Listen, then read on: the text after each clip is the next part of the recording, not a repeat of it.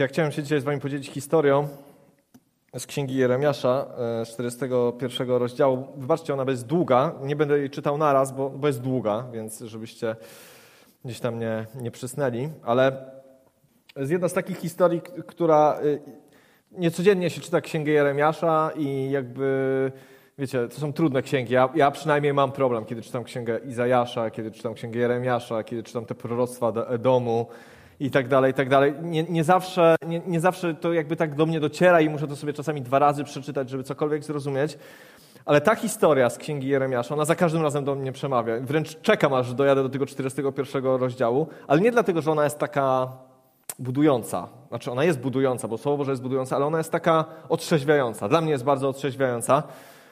Y, żeby nie, nie czytać całej Księgi Jeremiasza, to żeby złapać kontekst, to chciałem wam tylko powiedzieć, że to, to jest ten moment, w którym Izrael już, Jerozolima została zdobyta, większa część ludności już została wysiedlona do, do Babilonu. Państwo Izrael jako takie, państwo Judy jako takie już nie istnieje. Została tylko malutka garstka ludzi, którzy, którzy zostali w Judzie po to, żeby jakoś tam się zaopiekować. Tam został e, przez króla babilońskiego wyznaczony namiestnik, on się nazywał Godoliasz.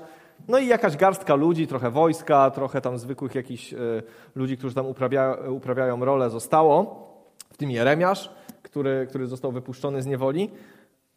I ta historia tyczy się tej garstki ludzi.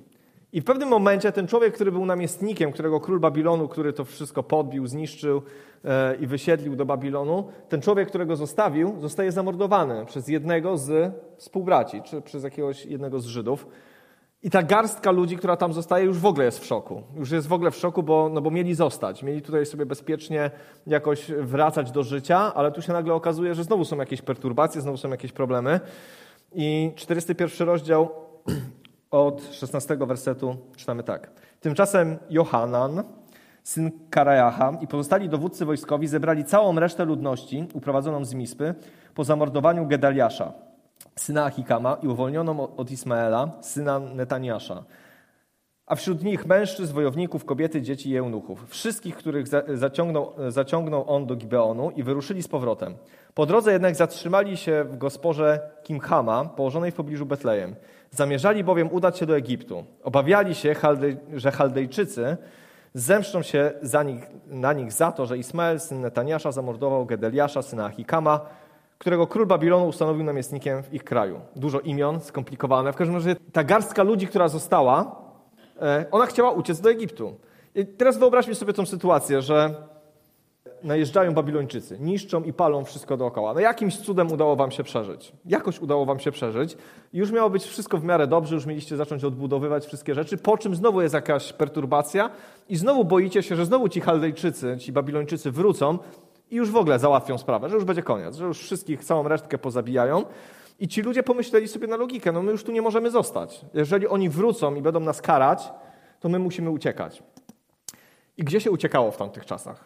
Zauważcie, że jak w Biblii gdzieś czytamy o ucieczce, to wszyscy uciekali do Egiptu. Wszyscy, naprawdę. Nawet Józef z Marią uciekli do Egiptu z Jezusem, jak, jak był świeżo, świeżo urodzony. E, Jeroboam uciekał przed Salomonem. Szukali zboża w Egipcie właśnie synowie Jakuba. Więc Egipt był takim miejscem, gdzie automatycznie ktoś chciał uciec na Bliskim Wschodzie i chciał znaleźć bezpieczną przystań, chciał gdzieś zacząć od nowa, to uciekał do Egiptu. Egipt y, w tamtych czasach i myślę, że w sumie do dzisiaj na Bliskim Wschodzie to jest takie miasto, to jest takie miasto, to jest taki kraj bardzo wyjątkowy, szczególny, dlatego że on jest bardzo urodzajny. W czasach starożytnych był bardzo urodzajny. Czasami plony trzy razy do roku.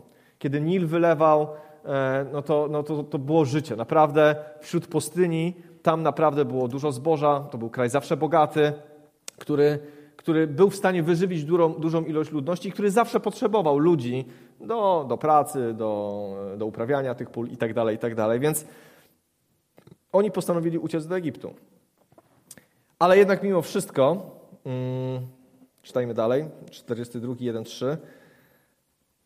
dla upewnienia się wszyscy dowódcy wojskowi, Johanan, syn Kereacha, Jezaniasz, syn Hoszajasza oraz cały lud, od najmniejszego do największego, przyszli do proroka Jeremiasza z następującą prośbą. Wysłuchaj nas, prosimy, i módl się za nami do Pana, Twojego Boga, za całą tę resztę, bo jak sam widzisz, z naszej wielkiej liczby niewielu nas pozostało. Niech Pan, Twój Bóg, skaże nam drogę, którą mamy pójść i niech wypowie słowo, którego moglibyśmy się uchwycić. No bardzo pobożnie.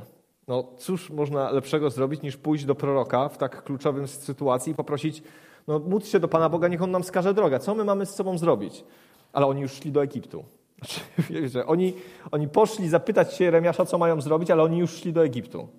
Że decyzja została podjęta, bo oni już szli do Egiptu, już się spakowali, już wszystko mieli na swoich plecach i oni już uciekali do Egiptu, ale dla upewnienia się, dla upewnienia się, mówię, pójdziemy do Jeremiasza. Niech Pan Bóg nam powie, dla upewnienia się. To znaczy, że my już wszystko wiemy. My już sobie wszystko zaplanowaliśmy. Egipt tam na nas czeka. Tam jest zboże, tam jest pięknie, tam nie ma Babilończyków, a przynajmniej jak są to gdzieś daleko, Egipcjanie nas obronią. No bo żeby nas zabić w Egipcie, to trzeba najpierw Egipcjan pokonać, więc tam będzie nam dobrze. Już koniec z tym Izraelem, koniec już z tą Judą, koniec już z tymi wszystkimi rzeczami. Uciekamy do Egiptu. Trudno. Nasze dziedzictwo, nasze domy, nasze rodziny, tu gdzie się urodziliśmy, zostawiamy to wszystko i idziemy do Egiptu. I dla upewnienia się poszli do Jeremiasza. I wypowiadają bardzo mocne słowa. Mówią, że módl się za nami, bo my chcemy, żeby Bóg wskazał nam drogę. Chcemy wiedzieć, gdzie mamy pójść, a później, y, później Jeremiasz do nich mówi, oczywiście ja się was pomodlę i na pewno Pan Bóg wam odpowie. I później w piątym i szóstym wersecie czytam tak. Wtedy oświadczyli, niech Pan będzie nam świadkiem, prawdziwym i wiernym, że postąpimy zgodnie z każdym słowem, które, przekaże, które Ci przekaże dla nas Pan, Twój Bóg. Czy będzie nam się to podobało, czy nie, posłuchamy głosu Pana, naszego Boga, do którego sami przecież Cię posyłamy. Chcemy bowiem, by dzięki posłuszeństwu głosowi Pana, naszego Boga, darzył nas On powodzeniem. Więc oni, właśnie to jest ciekawe i ta sytuacja mnie zastanawia, dlatego że oni, oni już mieli w swojej głowie plan. Wiecie, ja to odnoszę do nas. Odnoszę to do nas i do naszego życia bardzo często. One są, oczywiście, okoliczności się zmieniają, ale bywają w naszych życiach takie burze, takie problemy, takie rzeczy, które nas wytrącają z normalnego funkcjonowania. No oni ewidentnie, inwazja Babilończyków pokrzyżowała wszystkie plany życiowe tych ludzi, bo nagle się okazało, że zamiast spokojnie uprawiać rolę i spokojnie wychowywać dzieci, no to trzeba uciekać, trzeba, trzeba się ratować, trzeba ratować swoje życie. Ja myślę, że każdy człowiek intuicyjnie chce po swojemu, chce po swojemu, chce w ramach swoich możliwości zapewnić sobie i rodzinie bezpieczeństwo. I myślę, że wszyscy tacy jesteśmy. Wszyscy chcemy uratować siebie i naszych najbliższych. I to samo miał Izrael. Oni, oni chcieli. I oni, oni nawet mówią, że, że nieważne, co Pan Bóg powie, my to zrobimy, bo my chcemy pójść za Bogiem. My, my naprawdę chcemy. Wiecie, to są ludzie wierzący. Oni jednak przychodzą do Boga. Oni jednak przychodzą do Jeremiasza z pewnością, że Pan Bóg ich poprowadzi. No, typowi chrześcijanie. Jak trwoga, to do Boga. Dzieje się. Okay, my mamy jakiś swój plan, już wiemy, już się spakowaliśmy, już wiemy, co mamy zrobić, ale na wszelki wypadek czy to nie wiem, czy akurat to, to tak chrześcijanie powinni się zachowywać, ale na wszelki wypadek oni mówią, zapytamy się Boga. Co nam powie? I na pewno zrobimy, na 100%, na 100% zrobimy to, co do nas powie, czy nam się to będzie podobało, czy nie. No bo chcemy, żeby nas błogosławił. I Jeremiasz się na to zgodził. Oczywiście poszedł się modlić, 10 dni go nie było. E, oni pewnie z niecierpliwością tam czekali, co się wydarzy. E, I po 10 dniach E, to jest piąty, szósty werset tego 42 rozdziału, czytamy tak. Wtedy oświadczyli, niech Pan będzie... A, tu jeszcze dalej oni mówią. Okej. Okay. Później dziewiąty, dwunasty werset mówi tak. I oznajmił, w sensie Jeremiasz tym ludziom. Tak mówi Pan Bóg Izraela, do którego posłaliście mnie, abym przedłożył mu waszą prośbę. Jeśli osiądziecie na stałe w tej ziemi, odbuduję was, a nie zburzę. Zasadzę was, a nie wyrwę, bo smuci mnie to nieszczęście, które musiałem wam zesłać. Nie bójcie się króla Babilonu, przed którego obliczem tak drżycie. Nie bójcie się go, oświadcza Pan, ponieważ ja jestem z wami po to, aby was wybawić i wyrwać was z jego ręki. Wyjednam wam miłosierdzie, zmiłuję się nad wami i pozwoli wam powrócić do waszej ziemi. No wspaniała Boża obietnica. Oni przychodzą do Pana Boga, pytają się, co mamy robić. I Pan Bóg przez proroka im odpowiada, co mają robić. Ba, składa im piękną obietnicę. Naprawdę piękną, bo mówi, że jeżeli zostaną w tej ziemi, wbrew temu całemu swojemu lękowi, wbrew wszystkim strachom, które mieli w głowie, to Pan Bóg ich odbuduje. To ich zasadzi, a nie wyrwie. To ustrzeże ich przed królem Babilonu. To On po prostu sprawi, że, że oni rozkwitną na nowo, jeżeli zaufają Panu Bogu. Bo On mówi, że On ich, jest ich Bogiem, że On żałuje tego, co się wydarzyło, że chce jakby dać im kolejną szansę. Piękne słowa.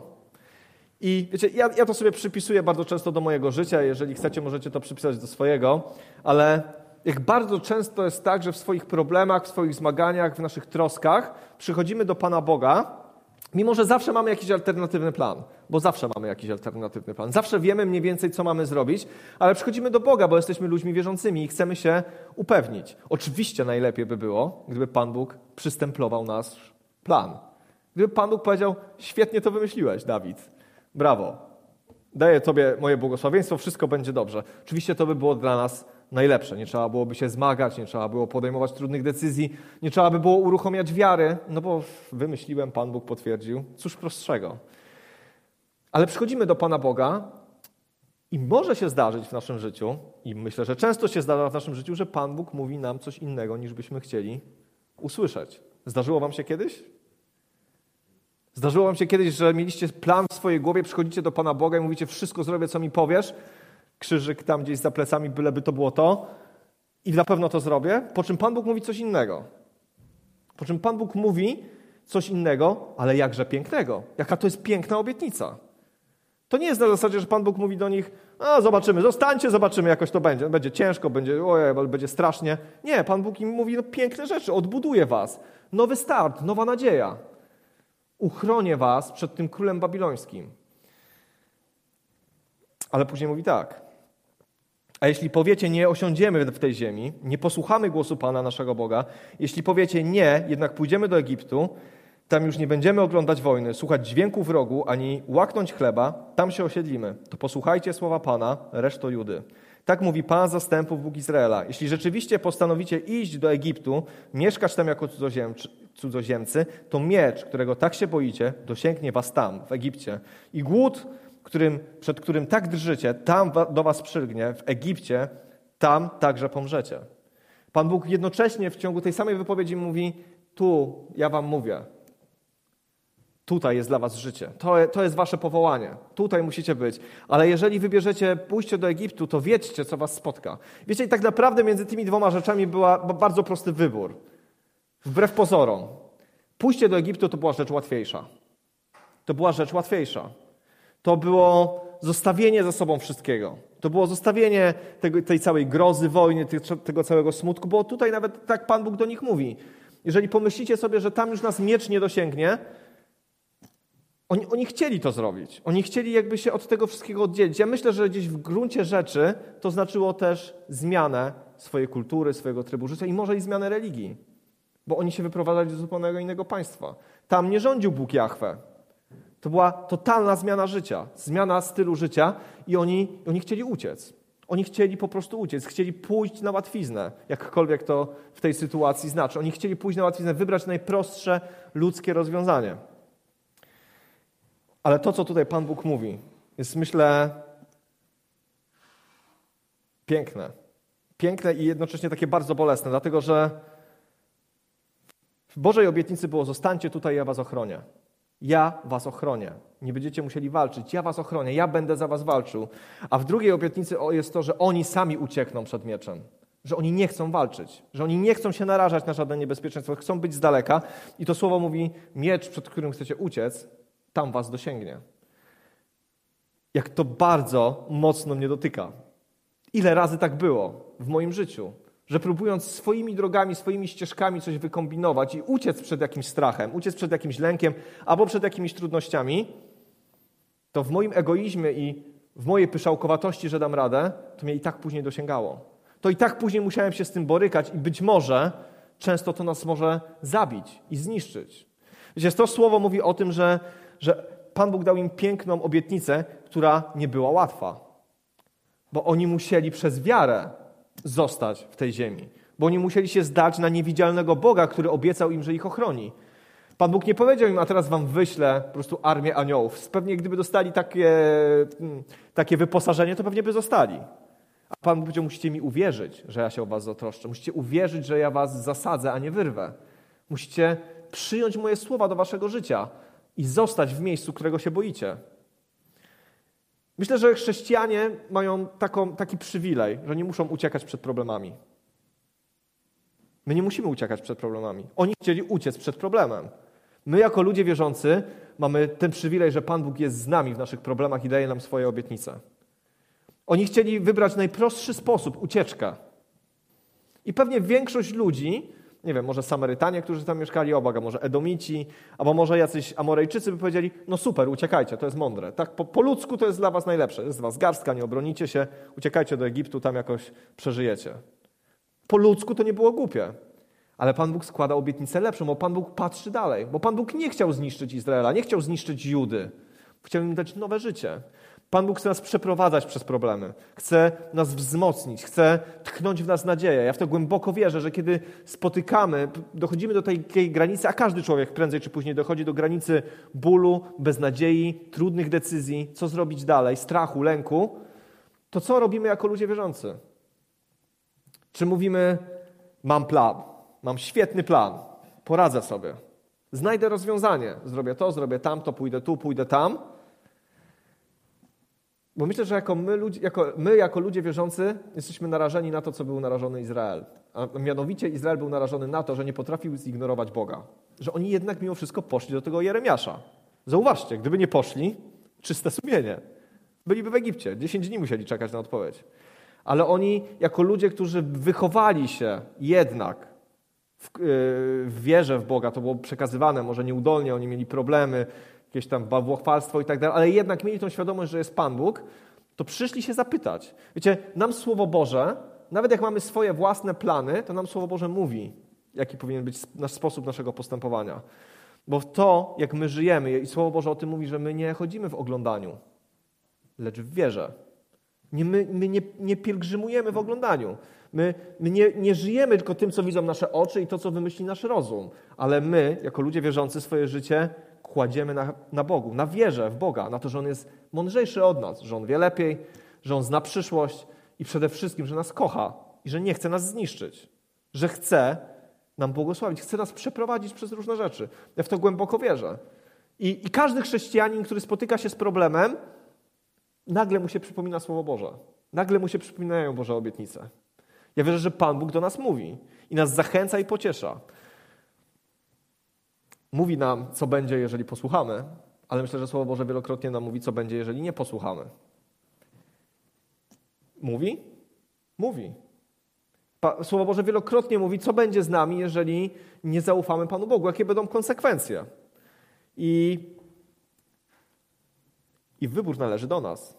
I wybór należy do każdego człowieka. Kto zna tą historię? Ręka do góry.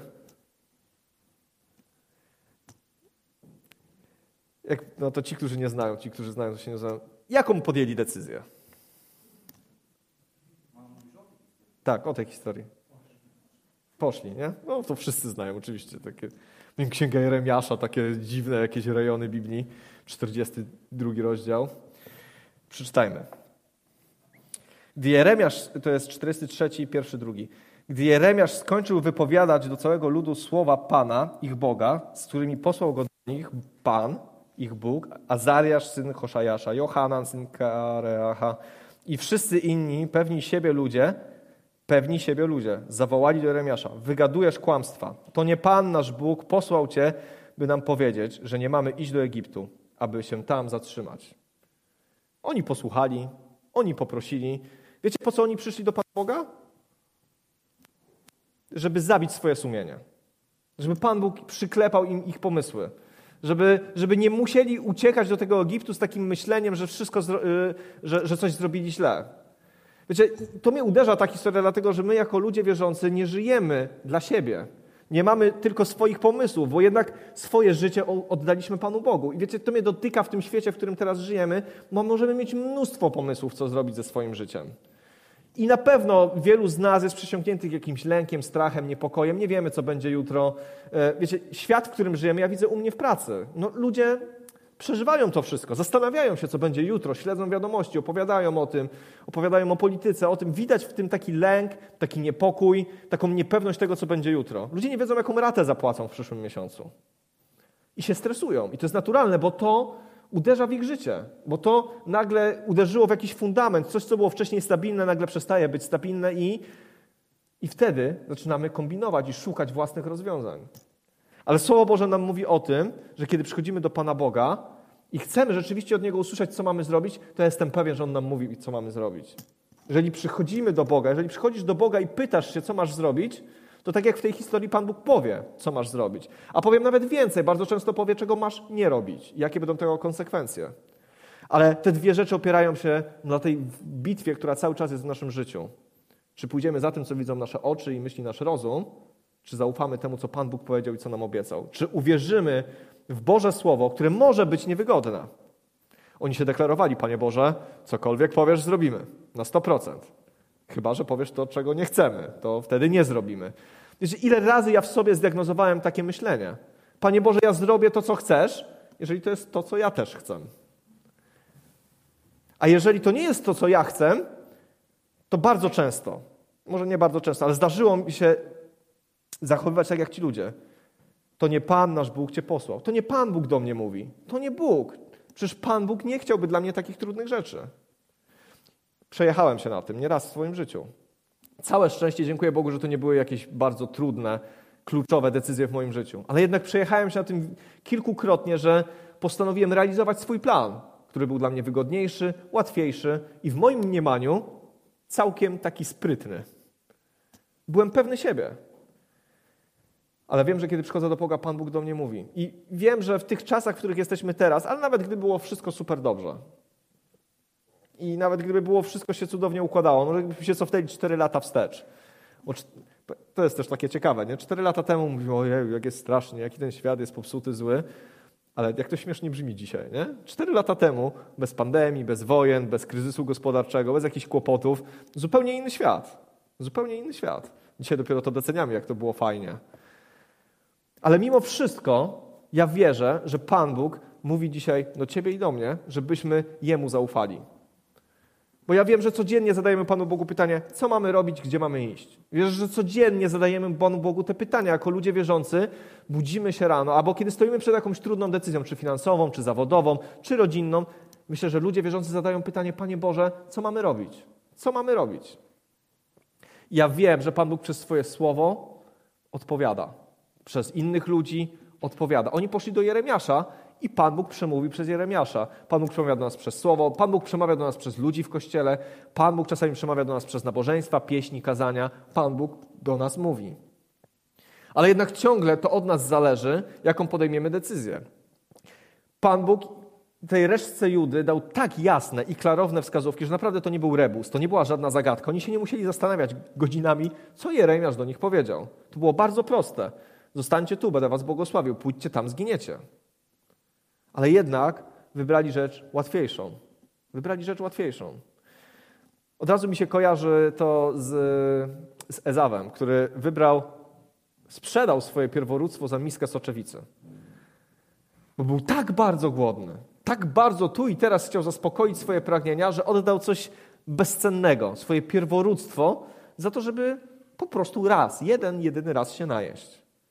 Ale tak bardzo te pragnienia nim rządziły, że nie był w stanie się powstrzymać. Strach, widmo porażki kolejnej rzezi tak bardzo przeraziły resztkę Judy, że oni stwierdzili, nie ma szans.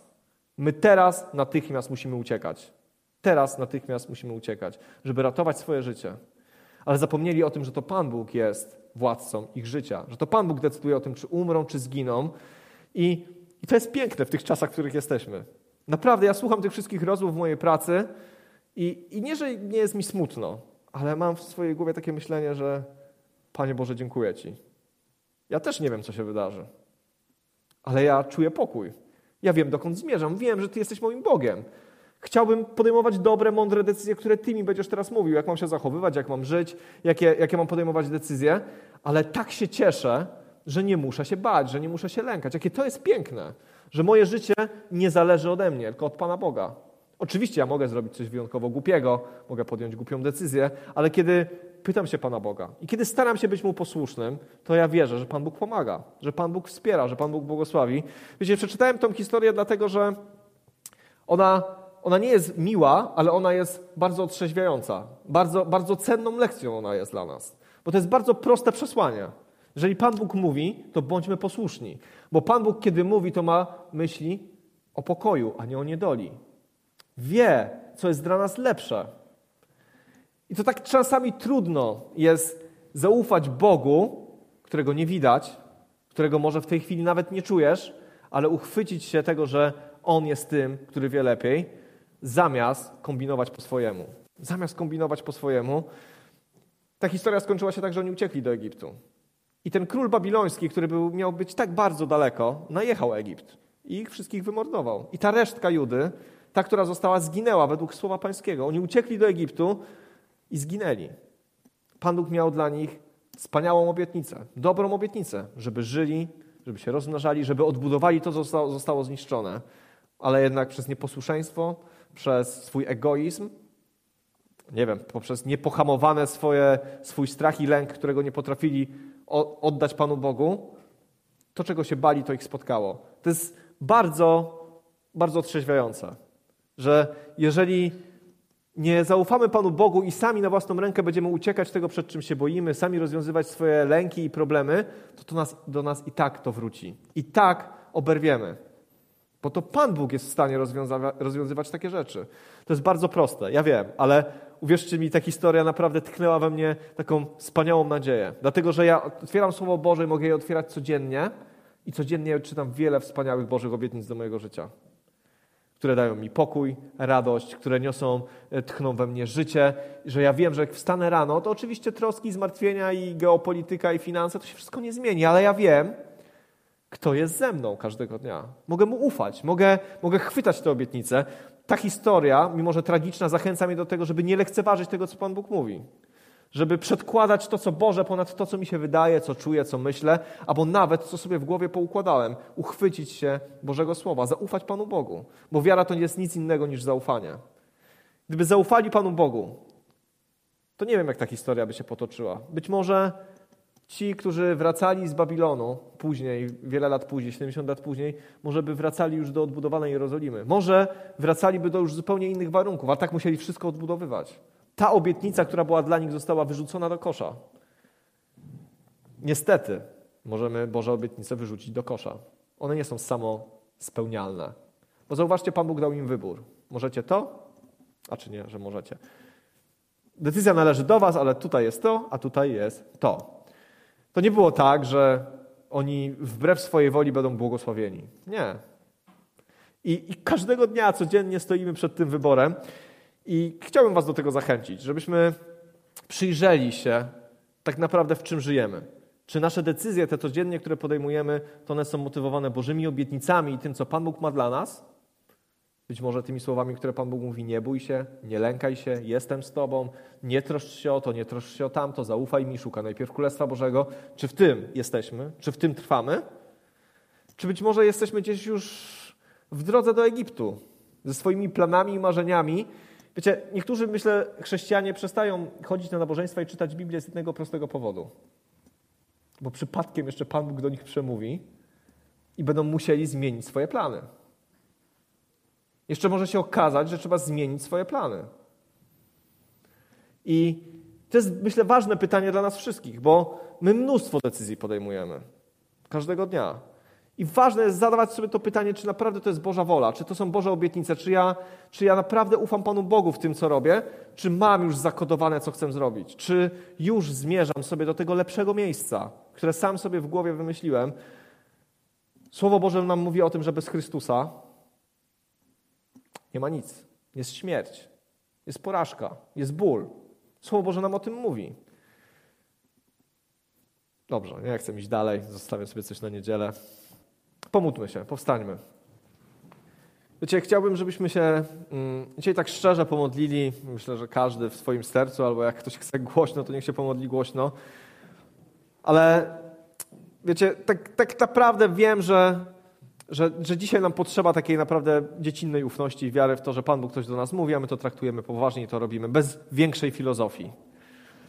Oczywiście wiem, że sprawy są skomplikowane w naszym życiu. One nie są takie zero-jedynkowe. To nie jest tak, że otworzysz losowo Biblię i nagle Pan Bóg w stu procentach ci odpowie dokładnie w Twoją sytuację, ale, ale ja bym chciał się o to modlić. Naprawdę. I, I, też Was do tego zachęcam, żeby Pan Bóg udzielił nam takiej naprawdę prostej, dziecinnej ufności. Żebyśmy uchwycili się tego, że Pan Bóg ma rację i że jest mądrzejszy od nas. Że wie lepiej co się wydarzy w naszym życiu. Żebyśmy poważnie potraktowali Jego obietnice, żeby te najprostsze rzeczy, które czytamy w Biblii o zaufaniu, o oddaniu Mu siebie, o powierzeniu Mu swojej rodziny, pracy, żeby stały się dla nas żywe, takie do uchwycenia